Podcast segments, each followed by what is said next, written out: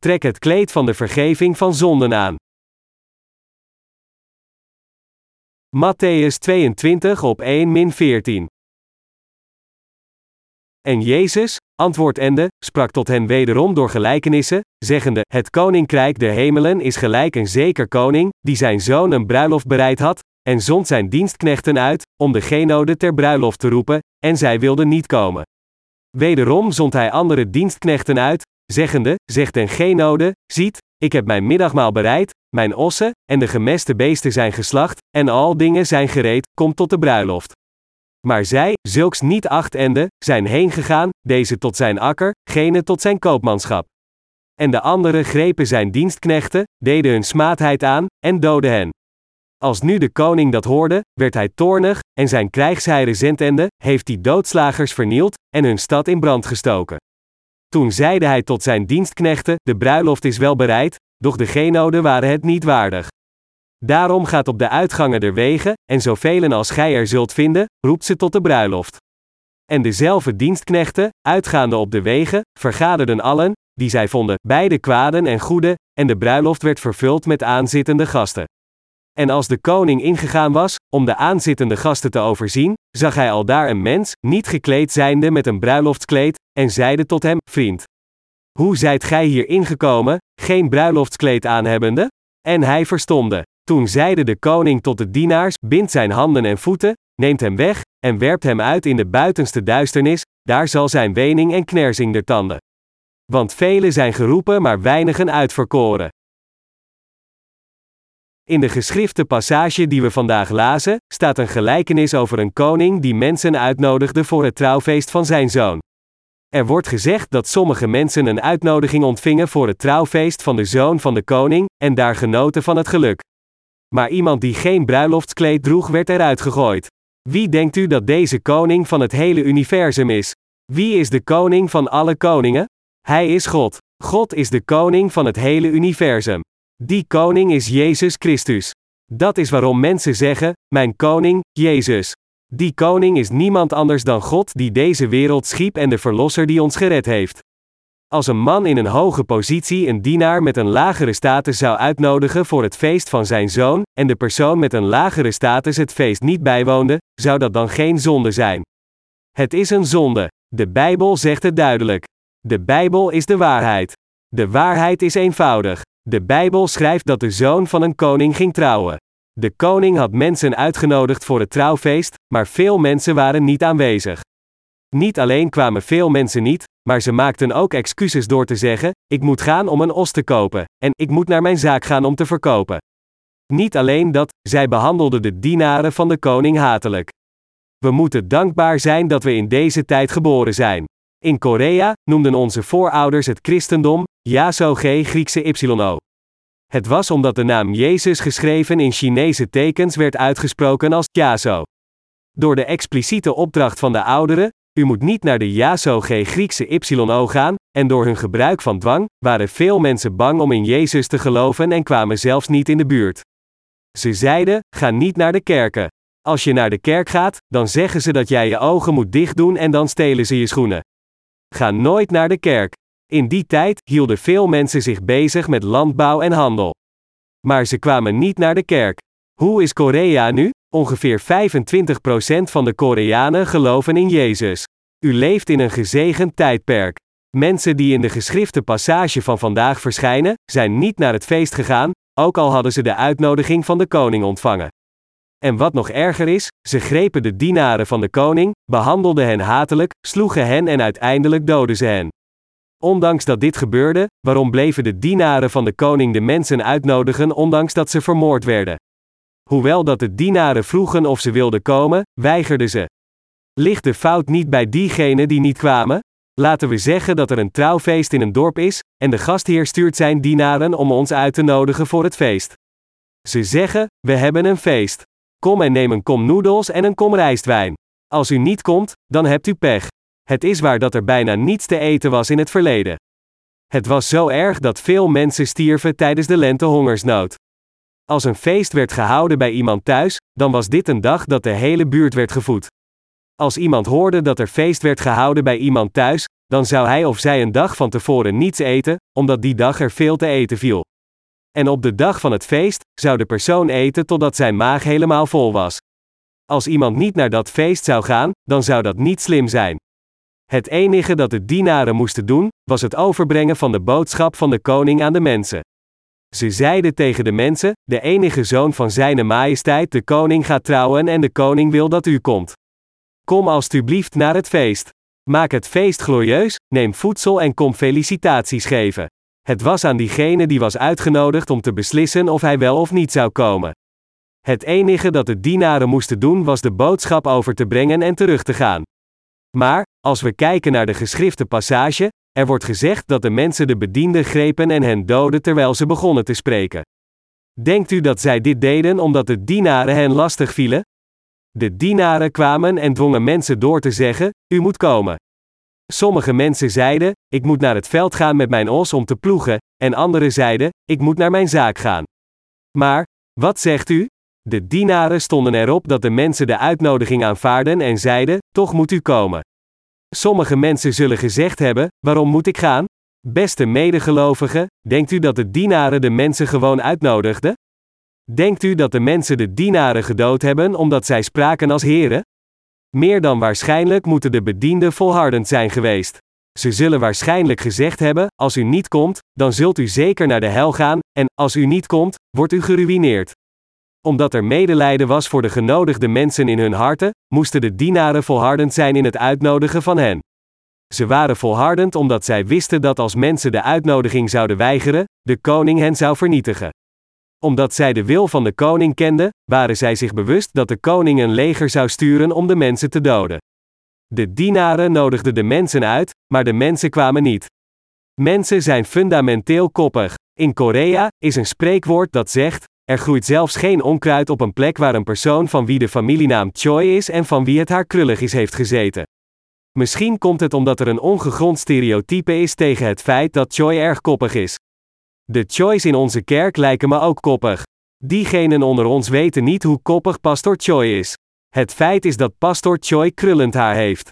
Echter, denkt u dat alleen de Choi's koppig zijn? Denkt u dat mensen met de familienaam anders dan Choi zoals Kim, Lee of Park niet koppig zijn? Eerlijk gezegd, diegenen met de familienaam Park zijn ook onuitsprekelijk koppig. Het zijn niet alleen de Parks, maar alle mensen, ongeacht hun naam, die koppig als een ezel zijn.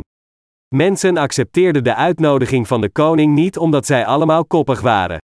Dus vertelde de koning zijn dienaren: ga de straat op, en zoveel als u vindt, nodig hen uit voor de trouwerij. Of zij slecht of deugdzaam zijn, breng ze hier. Vul de stoelen op. Dus werden ze allemaal gebracht, de slechte, de deugdzame en de stoelen werden gevuld. Hij kwam binnen en bewoog zich langzaam en bedankte de gasten zittend aan de tafel. Toen viel zijn oog op iemand.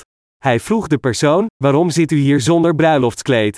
Omdat de persoon zonder bruiloftskleed niet wist wat te zeggen, en iets mompelde, zei de koning: Mijn koninklijke dienaren. Hoor mij, bind zijn handen en voeten, en gooi hem in de buitenste duisternis. Waarom zou de koning dit doen ondanks dat hij hen had uitgenodigd als gasten? Het is iets dat geen zin maakt vanuit menselijk perspectief. De koning die hier genoemd wordt verwijst naar God.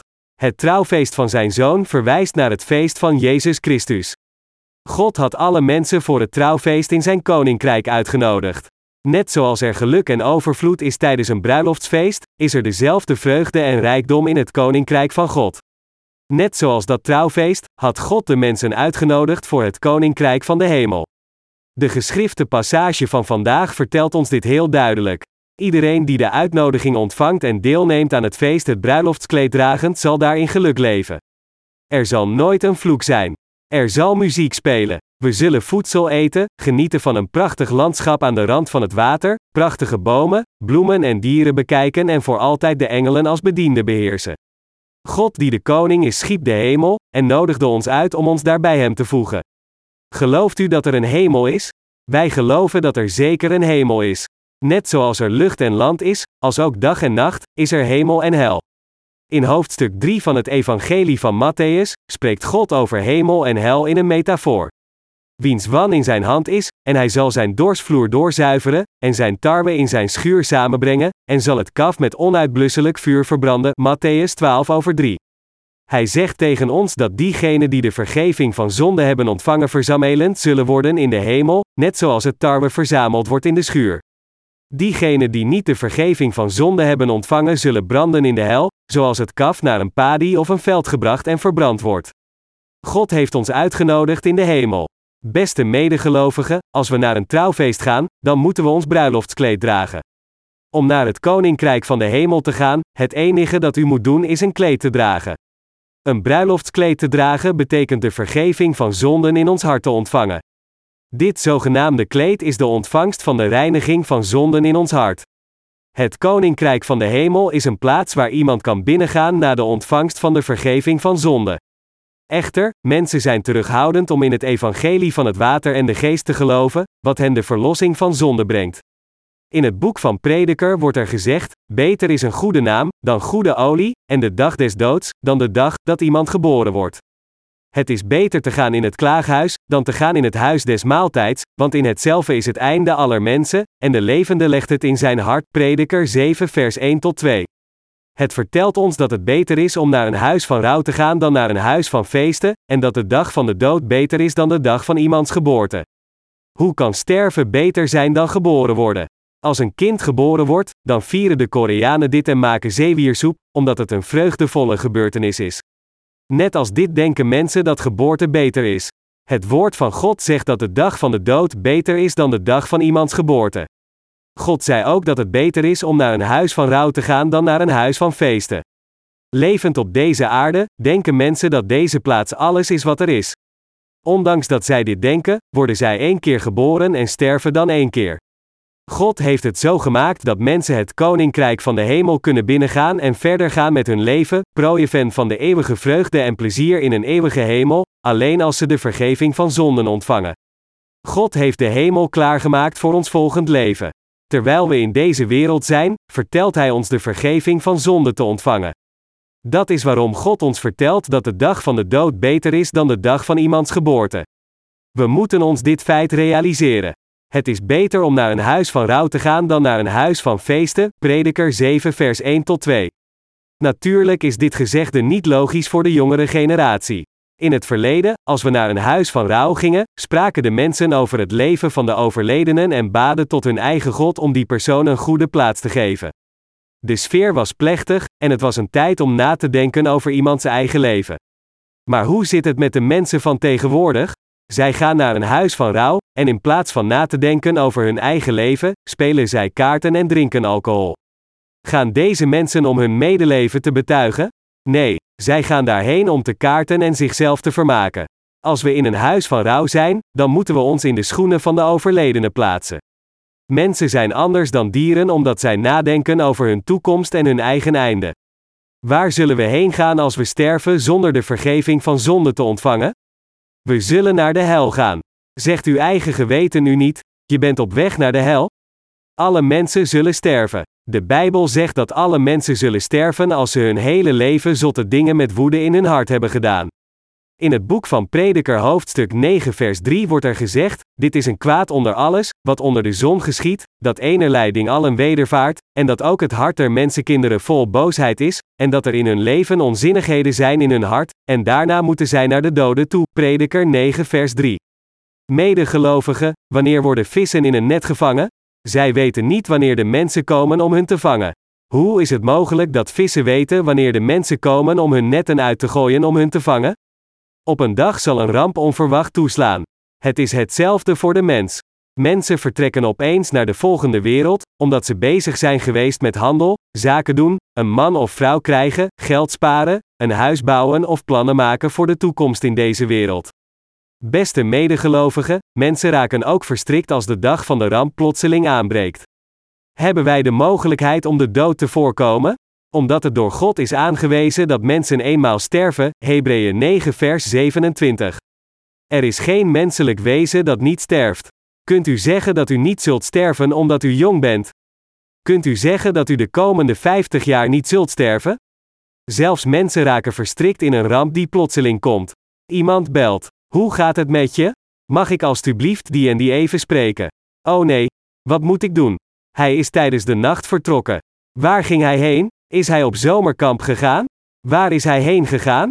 Hij ging ver, ver weg naar de volgende wereld. Dat ik zo lang heb geleefd is een wonder onder wonderen. Toen ik begin twintig was, was ik erg ziek.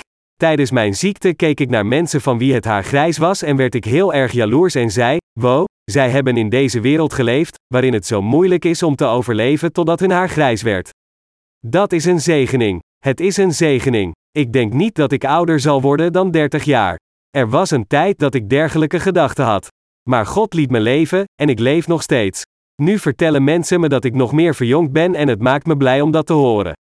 Beste medegelovigen, als uw geloof rechtvaardig is voor God, dan zal uw lichaam als ook uw hart nieuwe kracht krijgen. Wat er ook gebeurt, we moeten nadenken over het feit dat we zelf moeten sterven. We moeten nadenken over onze eigen zwakheid, en dat we zeker op een dag voor God zullen staan.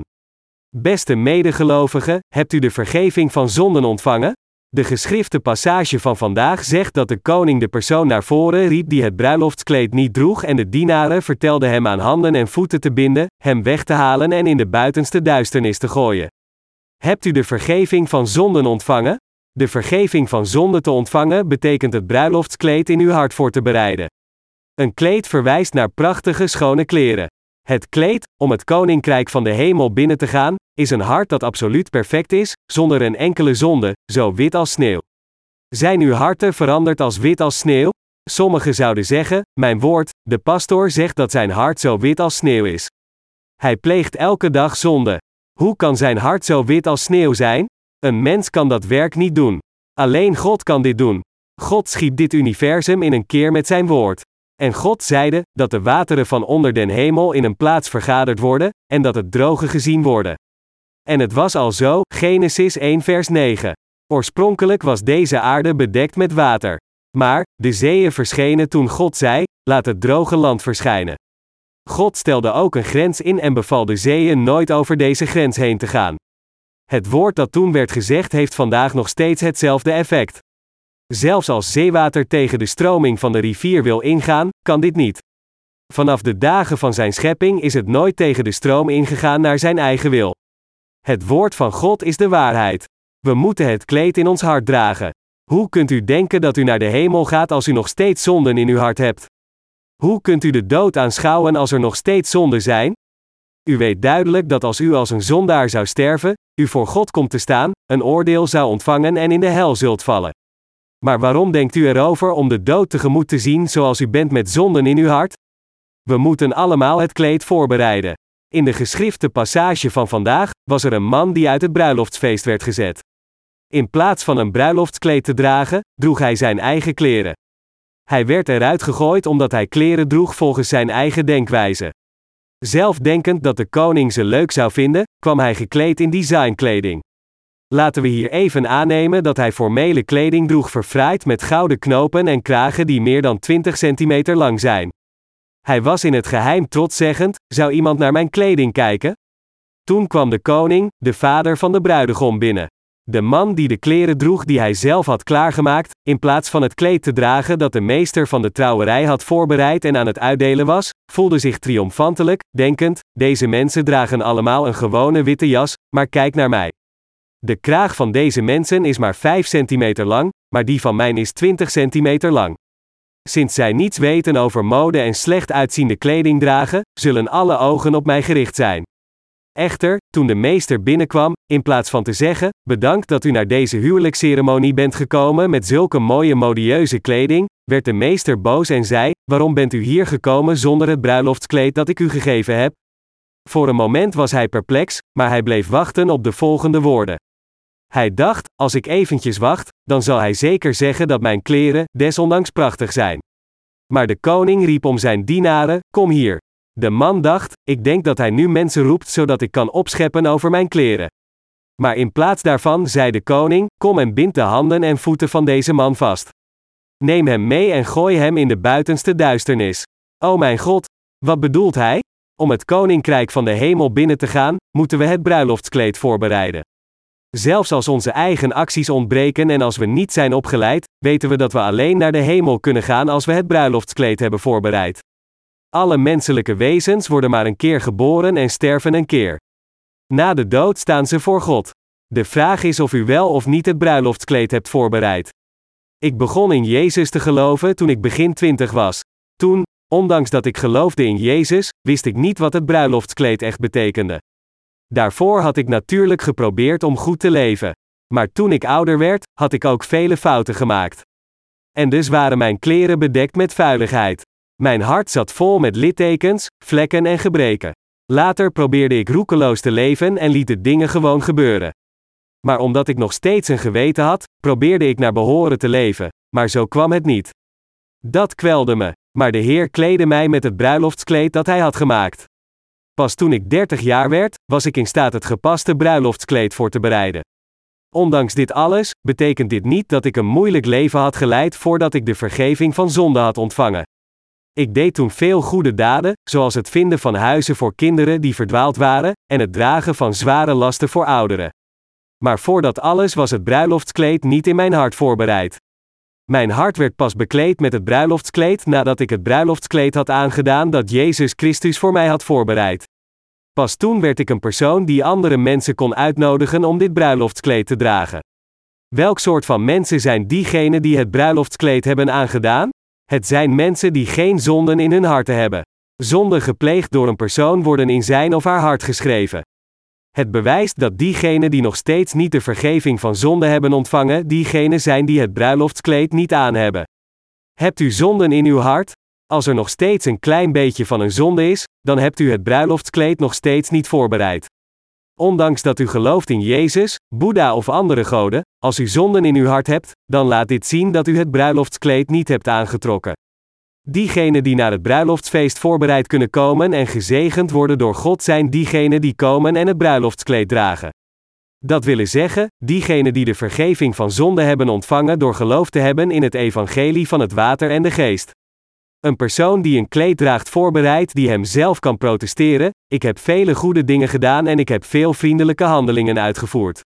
Ik geloof ijverig in Jezus, en als u de smerigheid in mij uitsluit, ben ik niet anders dan Boeddha. Ik doe geen slechte dingen, maar waarom zegt u deze dingen? Uit uw manier van praten maak ik op dat u geen beter leven hebt geleid dan ik. Beste medegelovigen, een menselijk wezen gaat niet naar het koninkrijk van de hemel door zijn eigen inspanningen.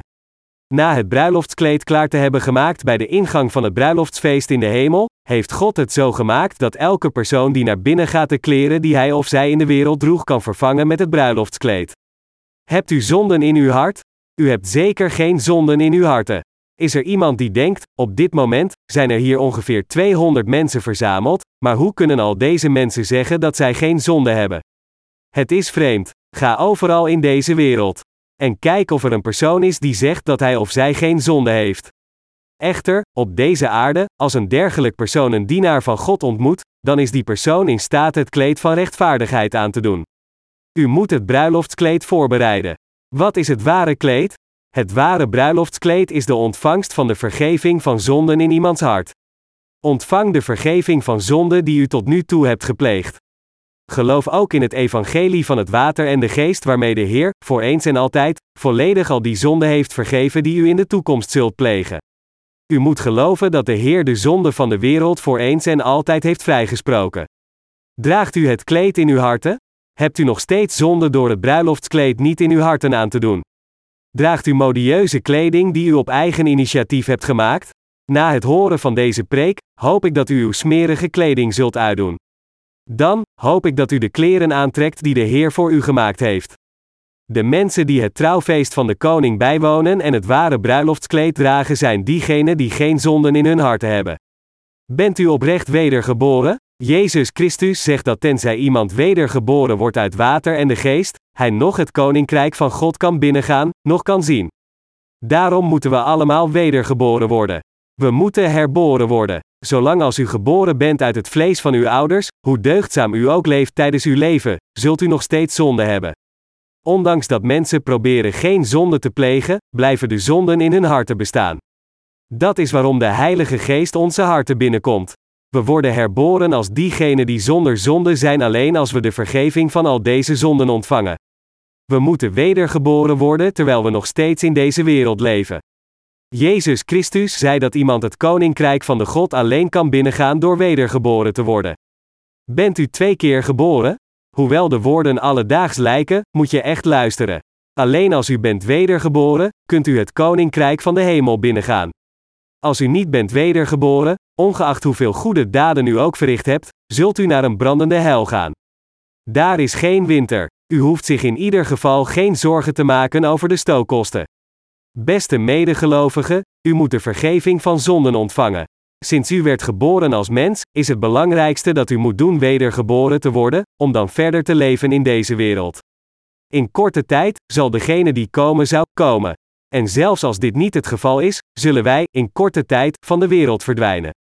Met het verstrijken van de tijd, zal drie vierde van ons die hier zitten, doorgaan naar de volgende wereld. Ik voel me nog steeds 18 jaar in mijn hart, maar de mensen noemen me meneer. Als iemand op straat mij roept met meneer, dan denk ik steeds, die persoon roept mij toch niet. Als mijn zoon mij, vader, vader, roept, dan zijn er tijden dat ik de realiteit niet kan bevatten, en denk ik, nou, ik vraag me af of ik de vader ben. Ik werd oud zonder het echt te beseffen. Als de tijd zo snel voorbij gaat, zal ik geconfronteerd worden met de dag dat ik naar God ga. Beste medegelovigen, we weten niet wanneer we een periode op ons leven zullen zetten. We moeten wedergeboren worden uit water en de geest. Wedergeboren worden verwijst naar de ontvangst van de vergeving van zonde. Er is gezegd: betert u dan, en bekeert u, opdat uw zonden mogen uitgewist worden, wanneer de tijden der verkoeling zullen gekomen zijn van het aangezicht des Heren. Handelingen 3 vers 19. Iedereen kan zijn of haar zonden uitwissen. Als we uitgenodigd worden door de koning, dan hoeven we alleen maar de uitnodiging te accepteren en de koning zal de volledige verantwoordelijkheid voor ons allemaal op zich nemen die de uitnodiging accepteren. Omdat hij ons de uitnodiging heeft gegeven, zal hij de verantwoordelijkheid nemen dat wij deel kunnen nemen aan het trouwfeest van zijn zoon, zodat we de bruid van zijn zoon kunnen worden. Hij zal ons perfect heilig maken. De zoon van de koning gaat trouwen. Zou hij toestaan dat zijn zoon met een smerige bruid trouwt? Als een smerige bruid zou vragen: Is dit voldoende? zou haar schoonvader dan zeggen: Goed, laten we verder gaan met de ceremonie. Nee, mijn zoon, deze bruid is te smerig. Maak haar eerst schoon en dan kunnen we verder gaan met de trouwerij. Deze woorden zijn heel belangrijk. Niemand kan de hemel onheilig binnengaan. De koning had gezegd: bind de handen en voeten van deze smerige en gooi hem in de buitenste duisternis omdat hij het bruiloftskleed niet droeg. Dit deel is heel belangrijk. Als een persoon is wedergeboren, dan gaat deze persoon naar de hemel. Als een persoon niet is wedergeboren, dan gaat deze persoon naar de hel. Het kleed dat hier vermeld wordt is het geloof dat gelooft in het ware evangelie. Het is niet dat het kleed is voorbereid alleen omdat iemand naar de kerk gaat. Men moet het evangelische woord van het water en de geest horen van de wedergeboren dienaren van God, de wedergeboren broeders en zusters, om het bruiloftskleed te kunnen dragen. Diegenen van u die wedergeboren willen worden en niet weten wat ze moeten doen, luister naar het woord dat u leidt naar het wedergeboren worden uit het water en de geest. Verlicht uw harten volledig en luister naar het woord. Het woord dat u leidt naar het wedergeboren worden uit het water en de geest is niet moeilijk. God de Vader wenst in zijn hart ons naar de hemel te sturen. Denkt u dat hij het woord zo moeilijk zou maken dat wij niet in staat zijn het te begrijpen? Hij vertelt het zo duidelijk. Hij vertelt ons hoe Jezus al onze zonde heeft uitgewist. Diegenen die niet zijn wedergeboren en nog steeds zonde hebben, moeten luisteren naar het evangelie van het water en de geest door de dienaren, broeders en zusters te ontmoeten die de vergeving van zonde hebben ontvangen. Ik denk dat de hersenen van een persoon die niet in staat is de vergeving van zonde te ontvangen, ondanks dat hij naar Gods kerk is gekomen, niets meer is dan een verrotte pompoen. Hoe laag kan een IQ zijn om een kledingstuk aan te trekken dat zo gemakkelijk aan te trekken is? De waarheid is heel eenvoudig. We zeggen dat de moleculaire formule voor water H2O is. Maar als we proberen dit op een meer wetenschappelijke manier nader te definiëren, zou er geen einde aan komen. Als we een slok water zouden nemen en de eigenschap van water zouden realiseren, dan zeggen we: A, dit is wat water is. In plaats van honderden keren verklaringen te horen en het voor te stellen, realiseert u het zich meteen door het te proeven. Ik hoop dat u de vergeving van zonden ontvangt. Nog u nog ik weten wanneer we zullen gaan om God te ontmoeten. Als u er niet uitgegooid wilt worden vanwege uw smerige verschijning, door niet het bruiloftskleed te dragen, dan moet u de vergeving van zonden ontvangen door in het evangelie van het water en de geest te geloven. Ik bid dat u verder gaat met uw leven nadat u zich de juiste manier van leven realiseert na de ontvangst van de vergeving van zonde, en wat het is dat de waarheid u vertelt. Met de weinige tijd die wij nog in ons leven hebben, hoop ik dat u blijft leven en u hebt gerealiseerd wat het juiste leven voor u is. Om u voor te bereiden met het bruiloftskleed, beseft u hoeveel gebeden uw kinderen, uw vrienden, broeders en zusters van de kerk en godsdienaren aanbieden. Denkt u dat zij u vragen om samen naar de kerk te gaan met alleen woorden? Ze vragen aan u, de ouders, laten we samen naar de kerk gaan, omdat zij blij zijn dat hun harten veranderd zijn en de Heilige Geest gekomen is om in hun harten te wonen door het evangelie van het water en de geest. Ze begonnen te geloven in Jezus. Daarom hebben zij het bruiloftskleed aangetrokken dat hen in staat stelt het koninkrijk van de hemel binnen te gaan. Hoe kan iemand helemaal alleen naar de hemel gaan? Hoe kunt u uw goede vrienden achterlaten en alleen gaan? Als de plek waar ik naartoe zou gaan afschuwelijk zou zijn, dan wil ik niet dat mijn vrienden en mijn ouders mij zouden volgen. Ik zou liever de ellende alleen ondergaan en ermee klaar zijn. Maar de hemel is een plek waar ik ze met geweld naartoe wil slepen, omdat het een plek is waar ik samen met hen naartoe wil gaan. Zij hebben u uitgenodigd omdat zij worden achtervolgd door de beelden van u ze zijn van de Heer gaan houden nadat zij hem oprecht ontmoet hebben. Hoe kunnen zij alleen naar een dergelijke fantastische plaats gaan? Ze zijn ziek in het hart denkend er alleen heen te gaan terwijl zoveel mensen achterblijven, inclusief hun familieleden en vrienden. Ze kunnen het niet verdragen hun buren achter te laten, zoals het kleine jongetje en zijn ouders. Ik hoop dat u zich hun intenties realiseert. Omdat we weinig onderwijs hebben genoten, kunnen we grof spreken, maar de harten van diegenen onder ons die wedergeboren zijn, zijn zachtaardig en mooi. Om u iets kostbaars te geven, houden we deze zomer weer het leerlingtrainingskamp. Ook, om de waarheid in het woord van God te vinden, houden we elk jaar een dergelijke bijeenkomst halfjaarlijks. Zelfs in ons laatste winterkamp waren er mensen die naar de samenkomst kwamen en de vergeving van zonden ontvingen. Toen ze kwamen zeiden ze: Oh nee, ik kom niet goed overeen met Jezus. Dus, door ze voorzichtig te kalmeren, heb ik gezegd: luister alstublieft een beetje. Gaat u alstublieft even zitten. Na een paar uur geluisterd te hebben, begonnen ze te lachen vanuit hun hart. Ze zeiden dat het lachen onbewust naar buiten kwam. De lach die God ons geeft, komt van diep in ons. Als u naar de wc gaat, komt de lach naar buiten denkend, voor mij om zonder zonde te zijn. Tegen een kruipende made zegt u: Hallo made, je weet niet dat je vlieg wordt, hé? Hey? Mijn leven was als dat van u, maar nadat ik werd wedergeboren, werd ik een kind van God. Mijn zonden zijn verdwenen. Wow, dit is geweldig. Niet waar? Wist u dit? U wist het niet, hé? Hey? Als u een mens was, zou ik het u hebben verteld. Een medegelovige, terwijl u op de wc-bril zit, komt het gelach eruit. Nadat we zijn wedergeboren, zal het lachen naar buiten komen als je naar school gaat en studeert. Als u boeken van deze wereld leest, zult u ze heel kinderachtig vinden. In tegenstelling tot vroeger, gaat het studeren heel goed omdat u denkt: als ik het niet begrijp wat ik studeer, doe ik het gewoon weg. U zult het beter begrijpen dan wanneer u er helemaal aan vastzit. Het was iets dat u in het verleden gewoon niet kon begrijpen ondanks harde inspanningen, maar het boek is gemakkelijk wanneer u het leest nadat u de vergeving van zonde hebt ontvangen. Daarom komt tijdens het studeren gelach naar boven. Als u chat met uw vrienden, komt het gelach naar boven. Als u een boodschap doet voor uw ouders, komt gelach naar boven. En als u verder gaat met uw leven in deze wereld, komt het gelach er altijd uit. Is dit gekke werk? Ben ik gek? Nadat de Heer mij gekleed heeft met het bruiloftskleed, kwam de Heilige Geest mijn hart binnen. Hierna werd mijn leven van geloof vreugdevol. Ik wist niet dat een leven geloof zou gemakkelijk kon zijn. Nu hoef ik niet elke dag tranen te vergieten. Lieve Heer, vergeef mij alstublieft. Tranen vloeien niet meer. Maar, een man dwingt zichzelf om te denken aan de dood van zijn oma en opa, en aan de tijden dat hij oneerlijk werd behandeld. Hij dwingt zichzelf te huilen als hij denkt hoe Jezus aan het kruis genageld werd. Echter, Jezus Christus zei: Huil niet voor mij, maar huil voor uzelf en uw kinderen. Met andere woorden, hij zegt tegen ons: U moet voor uzelf huilen. Als u de vergeving van zonden niet ontvangt, zult u in de toekomst naar de hel gaan. Huil dus als u nadenkt over het vuur, en als u naar een huis van rouw gaat, bedenk dan wat u moet doen om de vergeving van zonde te ontvangen. Ik wist niet dat een leven van geloof zo goed kon zijn. Ik wist in het begin niet hoe goed het was.